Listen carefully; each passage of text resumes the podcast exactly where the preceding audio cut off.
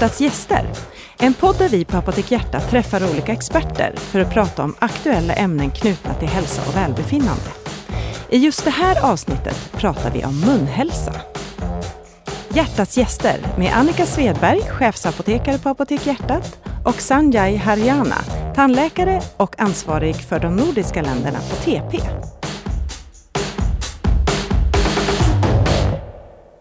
Ja, det här med att ta hand om sina tänder, borsta tänderna på morgon och kväll, det får man i de flesta fall lära sig när man är liten, här i Sverige i alla fall.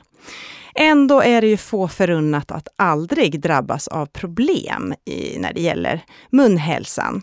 Förr eller senare så får de flesta karies, tandsten eller dålig andedräkt eller något annat problem. Och vad ska man då göra för att behålla en bra munhälsa? Och hur hanterar man problem som kanske ändå uppstår? Ja, det här och mycket mer hoppas vi kunna få svar på idag när vi har bjudit hit Sanjay Haryana. Välkommen till Hjärtats gäster, Sanjay.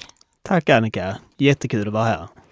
Ja, och det är så extra roligt idag när vi får ha en tandläkare på besök, för det har vi inte haft tidigare i Hjärtats gäster. Och faktum är att jag en gång i tiden själv tänkte bli tandläkare. Sen blev det apotekare i alla fall då, men du, du stod på det och blev tandläkare. Och vad var anledningen till det?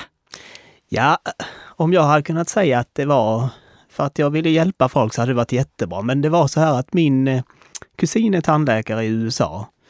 Och han sa att om jag blir tandläkare så ska han ge mig en Porsche och jag kan börja jobba för honom. och eh, så blev det aldrig. Jag blev tandläkare men jag fick ingen Porsche och jag har ingen bil för tillfället heller. Amen. Ja.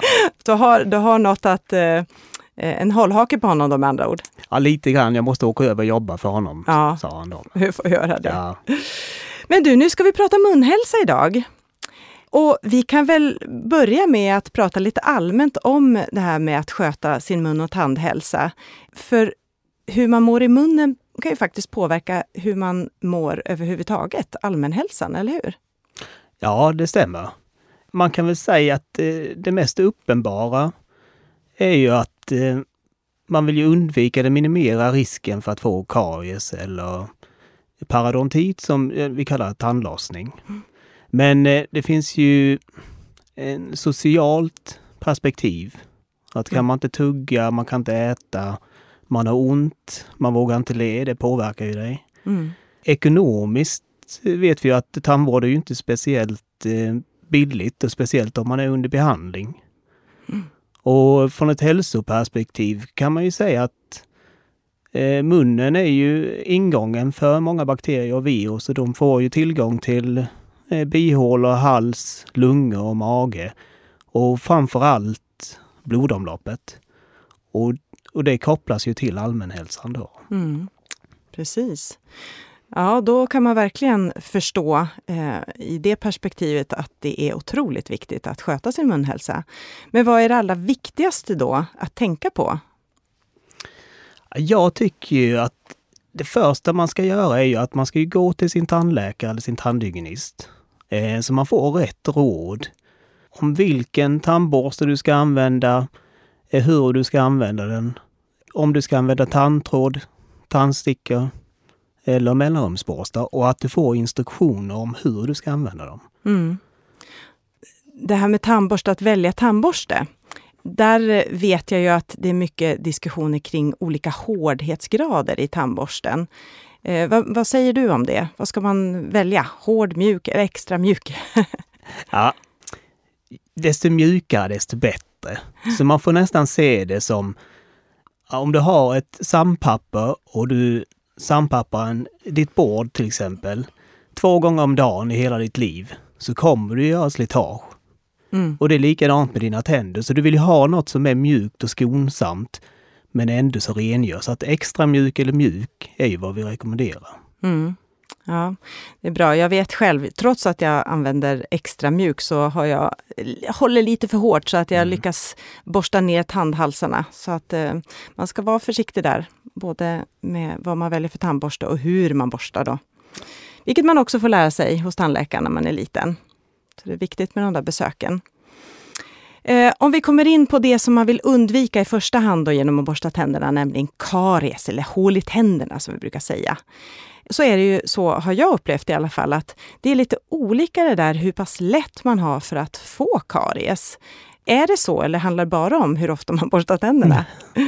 Ja, det är ju bra att borsta tänderna till att börja med, så det kan man ju inte komma undan med.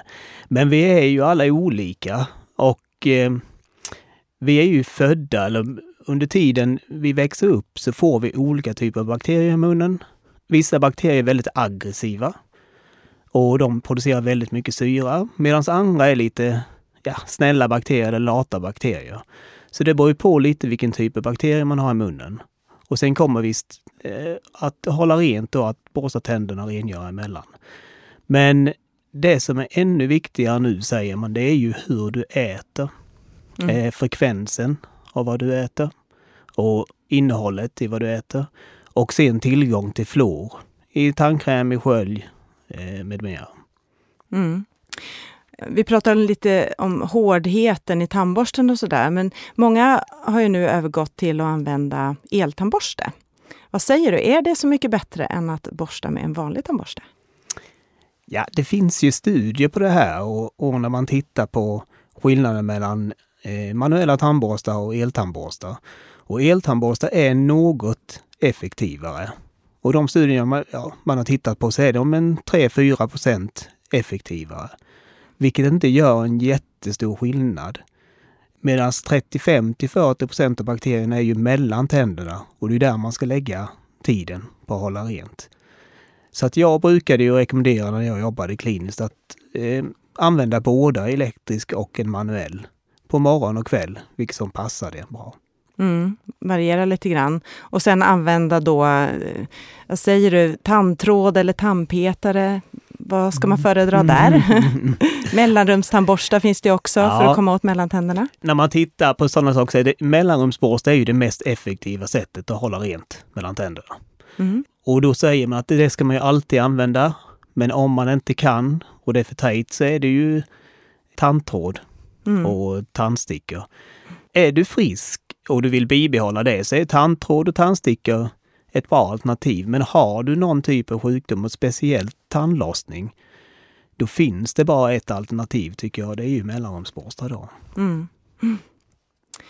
Ja, det finns ju olika typer av tänder också. Då tänker jag mera på eh, mjölktänder som man har när man är barn och sen de permanenta tänderna som man får successivt eh, när man blir lite äldre.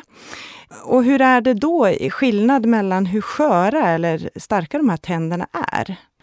Ja, det skiljer ju. Eh, mjölktänderna generellt eh, har ju lite mindre mineraler än vad de permanenta tänderna har. Men framförallt så är ju mjölktänderna har ju mycket tunnare emalj.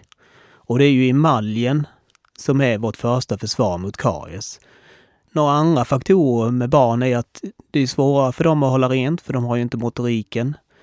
Barn, det är svårare att kontrollera kosten, så de äter ju mer frekvent. Och då får man ju fler syraattacker och då blir det ju en skörare tand också på det sättet. Mm. Det här var förklaringen till att barn ibland får lite fler hål då, ja. än vuxna. Mm, tack för det. Det där med att småäta mellan måltiderna, det har man ju hört många gånger, det är ju inte bra för tänderna. Men då tänker kanske många att ja, men frukt, det är ju i alla fall nyttigt, det kan jag ju äta i alla fall. Men vad säger du om det? Ja, det tycker jag. Alltså frukt är väl bra inom rimliga gränser. Om man äter ett äpple om dagen, en apelsin om dagen, så är väl det okej. Okay.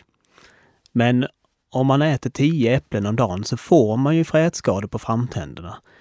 Och om man nu inte kan låta bli så, så kanske man kan dela det i mindre bitar, sprida det i munnen lite grann. Mm. Så är det, är det så att de här frukterna innehåller syre som, som gör emaljen eh, lite mjukare, eller vad, vad är det som händer? Ja, det skulle man kunna säga att det är syran som den tar inte bort ett helt lager, men den luckrar upp emaljen. Ja. Och så och, borstar man på det och så liksom ja, slipas det ner med Exakt, ja, ja. Så när du borstar på det så slipper du bort det andra halvan av lagret och du har tagit bort det permanent och då kan det inte komma tillbaka. Nej. Vad bra, då har jag sagt rätt till mina barn. Ja. jag vill inte att de dricker juice precis innan de ska gå och lägga sig och borsta tänderna. Nej. Så föredrar då mjölk eller te eller någonting sånt. Ja, juice är vi ju inte så jätteglada för. Nej. För då har man ju brutit ner fibrerna också och då har man ju direkt socker som går på tänderna men också du ger ju kroppen en sockerchock då. Ja, precis. Vid sidan av den där ja. syran då. Mm. Då har vi lärt oss det, kopplat till karies då. Men det som vissa drabbas av det är ju snarare tandsten än karies. Men vad är egentligen tandsten? Ja, tandsten är, det är ju mineraler från ditt saliv som reagerar tillsammans med plack på tanden. Så det kalcificeras, så att det är ju en kalkbeläggning som byggs upp på tanden. Mm. Och så blir det sådär hårt och oh, det är så obehagligt när de mm. drar bort det där. Men varför, varför måste man ta bort det egentligen? Kan det få sitta kvar? Ja, det kan man väl göra, men man får ju problem om man låter det sitta kvar för länge. Så okay. tandstenen i sig är ju väldigt, väldigt skrovlig i ytan. Så att det är svårt att hålla rent. Men framförallt så är det ju eh, under eller nedandelen av tandstenen så samlas det bakterier som är väldigt, väldigt svåra att ta bort, även med tandtråd, mellanrumsborstar. Mm. Och låter man dem sitta så kan man väl säga i bästa fall så kanske du får lite dålig andedräkt. Men i de flesta fallen så får man ju en tandköttsinflammation. Mm. Till att börja med. Mm. Tar man bort bakterierna och tandstenen då så försvinner det. Eh, men gör man inte det så går inflammationen vidare in i tandbenet och då börjar vi prata om tandlossning, vilket är en permanent skada. Just det. Det där med tandlossning ska vi strax komma tillbaka till, men jag tänkte först fråga, vad är det bästa sättet för att undvika tandsten? Vad ska man tänka på? Ja, det är ju som vi alltid tjatar om. Det är ju se till att borsta ordentligt. Eh, håll rent mellan tänderna för att man vet ju att det är ju placket tillsammans med mineralerna som blir tandsten. Mm. Sen är det ju vissa områden som är väldigt svåra att undvika och ett av dem är ju underkäksfronten, det är väl det du inte gillar när de skapar mm, på insidan. Och det är där salivet kommer ut då. Ja. Eh, och den andra delen är ju, är ju överkäken vid första och andra tuggtanden då i kinden och där kommer också salivet ut. Så där får man ju oftast lite avlagringar. Så att det är ju att hålla rent och sen så får man se sin tandläkare och sin tandhygienist med jämna mellanrum. Mm, så att det inte hinner bygga på sig för mycket där också. Ja. Mm. Okej, okay, det här med tandlossning då som var det värsta scenariot om man inte gör någonting åt tandstenen. Eh, det var ju ett scenario då. Men, men finns det andra anledningar till att man drabbas av tandlossning än tandsten? Ja, man kan väl säga att tandsten är ju inte anledningen till eh, tandlossning utan det är alltid bakterier om man ska ha en äkta tandlossning. Mm. Och man kan nästan se tandlossning som eh, nästan som en allergi mot bakterier. Och eh, om man kan ta till exempel om man får ett getingstick, så vissa får ju en liten svullnad, en liten rodnad. Andra måste ju åka in på sjukhuset för att kroppen reagerar så kraftigt. Och det är exakt vad tandlossning är. Vissa kan ha jättemycket bakterier, slarviga med att borsta tänderna, men får knappt någon inflammation i tandköttet. Vissa är jättenoga, har lite, lite bakterier och får en jättekraftig reaktion från kroppen och man kan väl säga om man, jag kan nog inte hitta något bättre ord än att kroppen får ett frispel mm. och börjar bryta ner benet runt tanden. Okej. Okay. Men säg då att det har kommit så långt så att man börjar ha fått en tand som sitter nästan lite löst. Går det att vända det när det gått så långt? Ja, i vissa fall så går det ju att vända det. Eh, man kan ju säga att fästet i tanden är ju, det är själva tandbenet som man har förlorat. Men också att tandköttet i sig har ju separerat från tanden. Så om man får behandling av tandläkaren eller tandhygienist eller en specialist och sen själv upprätthåller detta så kan man, i, om man har tur, få tillbaka lite ben men tandköttet i sig fäster sig vid tanden igen och stabiliserar den. Men sen är det ju i vissa fall där det har gått för långt och då, då förlorar man ju tanden. Och ibland så är det bättre för att annars har man ju ett område som hela tiden kommer ha de här bakterierna som ger en tandlossning och som kommer spridas till andra tänder. Mm. Ja, det gäller att inte få den där inflammationen från början då. Försöka hantera de förebyggande åtgärderna så bra som möjligt. Ja, det stämmer. Men du, det, det som du nämnde tidigare när det gäller tandsten, du sa att det kan ge dålig andedräkt. Eh, och det där med dålig andedräkt, det är ju någonting som vi alla drabbas av från och till. Och då, då kanske främst när man har vräkt i sig något gott med vitlök i, eller något annat olämpligt. Men sen finns det de som drabbas mera permanent av dålig andedräkt. Och vad kan det egentligen bero på? Ja, oftast det, det är ju nästan alltid bakterier på något sätt i munnen som producerar svavelföreningar mm. som gör att det luktar. Men man kan väl säga att 90% av fallen kommer det från munnen. 1% av fallen kommer det från läkemedel eller mat. Och resterande är ju från halsen, lungor och mage. Så att eh, känner man att man har dålig andedräkt så är det förmodligen från munnen. Och vad kan man göra där för att lindra? Ja, först måste man ju försöka ta reda på vad det är som gör det. Men, så att det är bra att gå och se eh, professionen som tandläkare eller tandhygienist. Så se till att man inte har tandlossning för där kommer det ju väldigt mycket dålig lukt ifrån. Man kanske har öppna hål som det luktar från. En visdomstand som är infekterad. Och när man har uteslutit och behandlat det och man fortfarande tycker man har dålig andedräkt så är det ju att borsta tänderna, rengöra mellan tänderna. Jag vet att jag säger det hela tiden men vi, vi glömmer alltid det. Och sen så är det ju en tungskrapa är ett bra eh, komplement också. Just det. Ja, mm. för det har ju visat sig att det är ju mer effektivt än att använda en tandborste när det kommer till dålig andedräkt. Mm. Sen finns det ju en hel del produkter också som man kan skölja munnen med eller tabletter och så. Vad säger du om det? Ja, apoteket har ju väldigt många bra produkter och, och, och, man kan gå och prata med personalen där som är väldigt kompetent. Och, och då kan man få lite mer råd. Men de som har visat sig vara ganska effektiva är ju tandkräm som innehåller zink eller skölj som innehåller zink. Just det. Eh, och sånt kan man köpa på apoteken som sagt var. Och det som vi också får höra mycket på apoteken från kunderna när de kommer in och har problem med munhälsan, det är att de har blåsor i munnen. Och vad kan det bero på då? Ja, blåsa i munnen är ju ett ganska vanligt tillstånd. Men eh, det man pratar mest om är väl förkylningsblåsa eller ett munsår. Förkylningsblåsa, det kallar vi ju afte. Och det är ju, eh, vi vet inte varför man får det, men det är en autoimmun reaktion. Så vad det betyder är att kroppen reagerar, eller kroppens immunförsvar reagerar på något sätt och börjar bryta ner cellerna i slemhinnan. Och så får man små, små blåsor som är ganska obehagliga. Mm. Medans munsår är ju herpes. Och det har, drabbas ju två tredjedelar av den globala befolkningen av. Mm. Och detta är ju ett virus som man oftast får en primärinfektion eller första gången man får infektionen. Den får man ju av en partner eller av sin mamma eller pappa. Och det blir många, många små blåsor i munnen. Det är väldigt, väldigt eh, smärtsamt. Eh, man kan få feber, ha svårt att äta. Och sen senare i livet så kommer detta tillbaka för den här viruset ligger ju kvar i munnen eller i nerverna.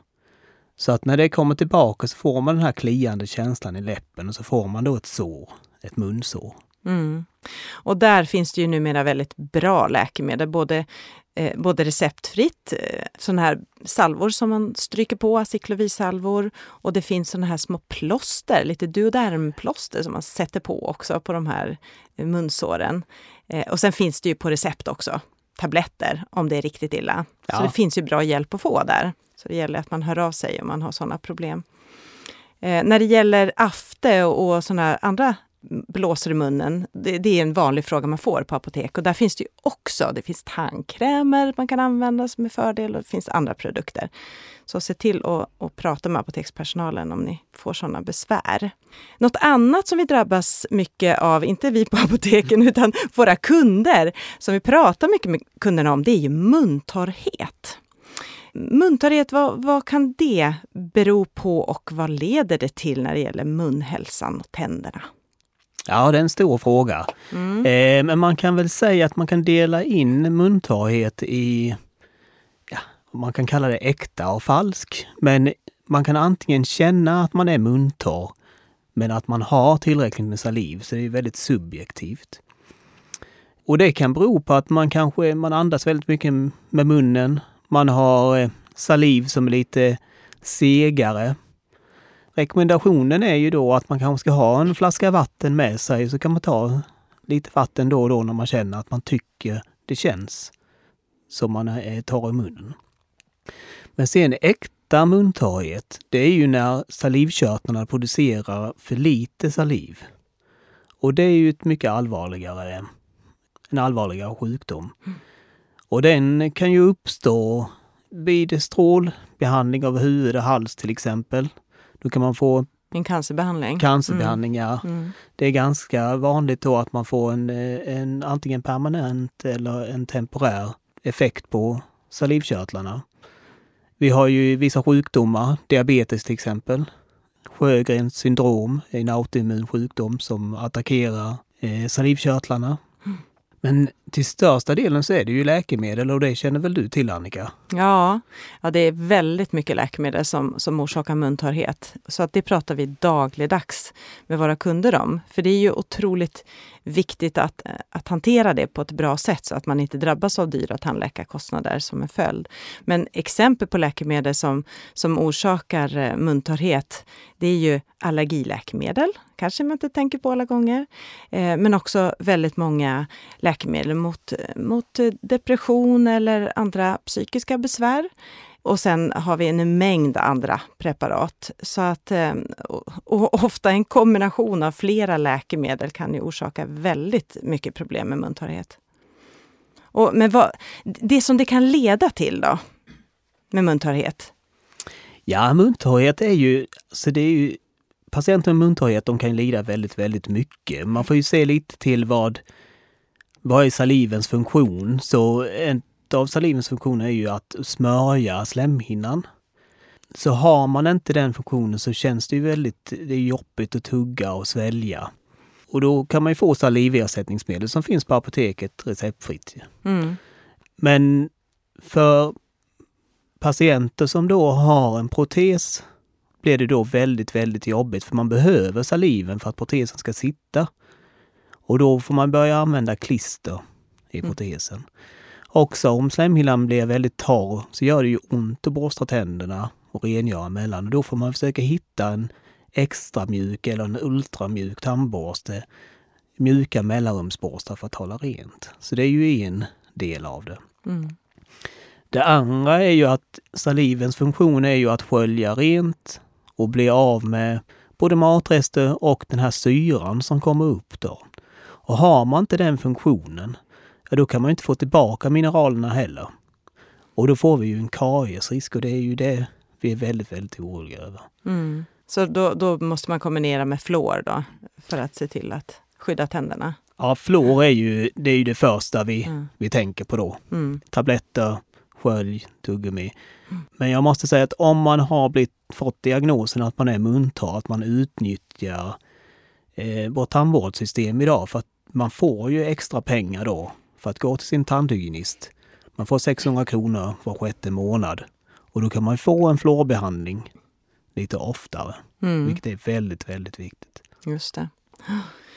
Jag brukar ofta rekommendera kunderna när jag jobbar på apotek, de här tabletterna som man tar ganska ofta, med ganska låg fluorhalt, men som ändå ger en viss salivstimulering eftersom man tar dem och suger på dem då många gånger per dag. Hoppas jag att jag gör rätt där. Ja, men det är ju bra jobbat Annika, det måste jag säga. det är bra. Nej, men det, det, det, det är rätt är det. För att många tror ju att man ska använda fluorskölj.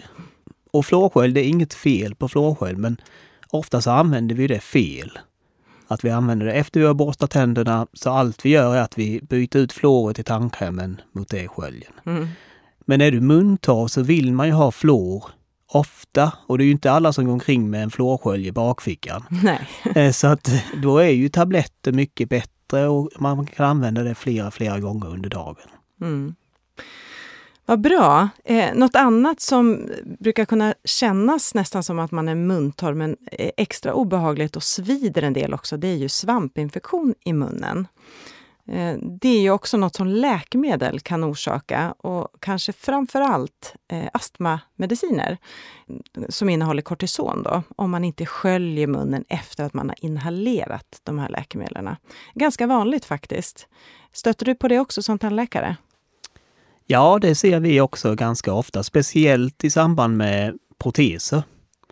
Ehm, så att det är väldigt, väldigt viktigt om man har en protes som vi pratade om innan, att, att den inte sitter riktigt och att man behöver lägga i klister, att man rengör det klistret. Det kan man köpa på apoteket, eh, rengöringsmedel. Men också att man rengör själva protesen. Eh, och då finns det klorhexidin till exempel som man kan ta på den ytan som är närmast eh, slemhinnan. Som verkar då antibakteriellt. Bra. Nu lämnar vi det och pratar om något som inte alla drabbas av, men ganska många, och det är visdomständer, problem med dem. Nu hör jag till de lyckliga som faktiskt inte har fått några visdomständer. Eh, men jag har många vänner som har fått och fått operera bort för att det har blivit sådana problem. Hur vanligt är det egentligen att man, man får och att man måste ta bort visdomständerna? Och varför? varför? ja, det är ju lite land, från land till land så att säga. Men man kan väl säga att eh, det är en väldigt hög andel som får problem med visdomständerna under tiden de kommer upp. Så det är 80 till 90 procent. Eh, när de väl har kommit upp så tror jag att eh, det är kanske en 10 till 15 procent som har återkommande problem. Och det har man ju mest för att den har kommit upp halvvägs, halva uppe, halva nere och att man har väldigt mycket tandkött i vägen. Då. Mm. Sen är det som jag sa, det beroende på vilket land. Jag menar i USA så tar man dem innan de har kommit upp. I England är man också ganska aggressiva när de väl har kommit upp. Eh, men i Sverige så är man ju väldigt restriktiv, att man väntar på återkommande infektioner innan man eh, tar beslutet på att ta bort dem. Mm. Okej, okay, ja de är det inte så mycket att göra åt utan det är bara att hoppas att, eh, att de inte ställer till för mycket problem om man nu får visdomständer då.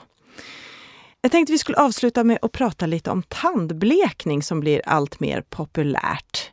Det finns ju både tandkrämer, whitening-tandkrämer, det finns olika produkter man kan använda i hemmet och så finns det eh, sådana som används hos tandläkare.